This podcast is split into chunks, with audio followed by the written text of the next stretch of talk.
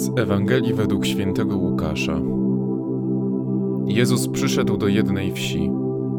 Tam pewna niewiasta imieniem Marta przyjęła go w swoim domu.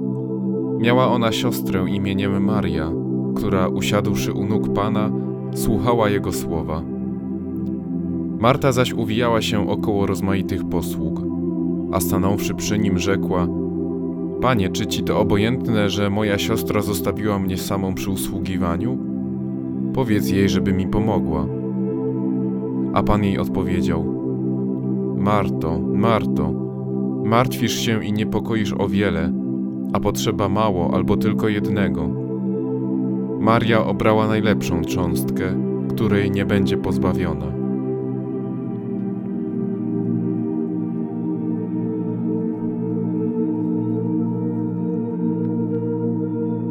Czy można starać się za bardzo? Czy może nam nadmiernie na czymś zależeć? Są sytuacje, kiedy nasze działania, choć mają u podstaw dobrą intencję, doprowadzą donikąd. Bo choć pragniemy dobra, to nie zawsze umiemy dostrzec, gdzie tak naprawdę się kryje. Każdy z nas potrzebuje więc chwili czasu, kiedy będzie mógł się zatrzymać. Każdy z nas potrzebuje momentu, aby usiąść u stóp Jezusa, bo On zawsze ma nam coś do powiedzenia. Jednak jak znaleźć czas, gdy dokoła nas tyle spraw wymaga uwagi? Co zrobić, będąc przygniecionym nadmiarem obowiązków, kiedy z trudem znajdujemy chwilę na sen?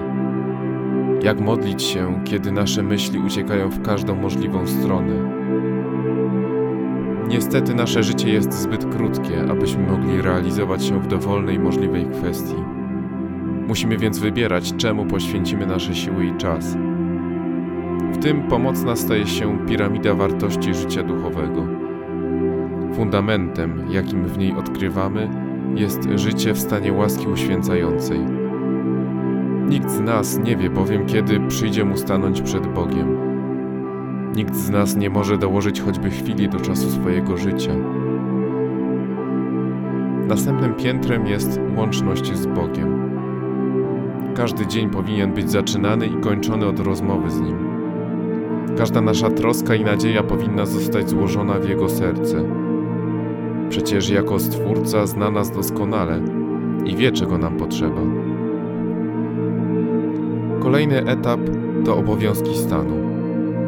Jeśli jesteś rodzicem czy małżonkiem, to najpierw Twoje działania powinny koncentrować się właśnie wokół tego. Chodzi nie tylko o zapewnienie utrzymania materialnego rodzinie, ale też o poświęcenie im niezbędnego czasu. Nie można realizować się zawodowo czy rozwijać swoje hobby kosztem podjętego powołania. Nie można mówić, że na to jeszcze mam czas, kiedy syn lub córka właśnie teraz potrzebuje Twojej obecności. Postaraj się dzisiaj poddać refleksji, czy wszystko w Twoim życiu znajduje się na odpowiednim miejscu, bo być może jest coś, co wymaga Twojej większej lub mniejszej uwagi.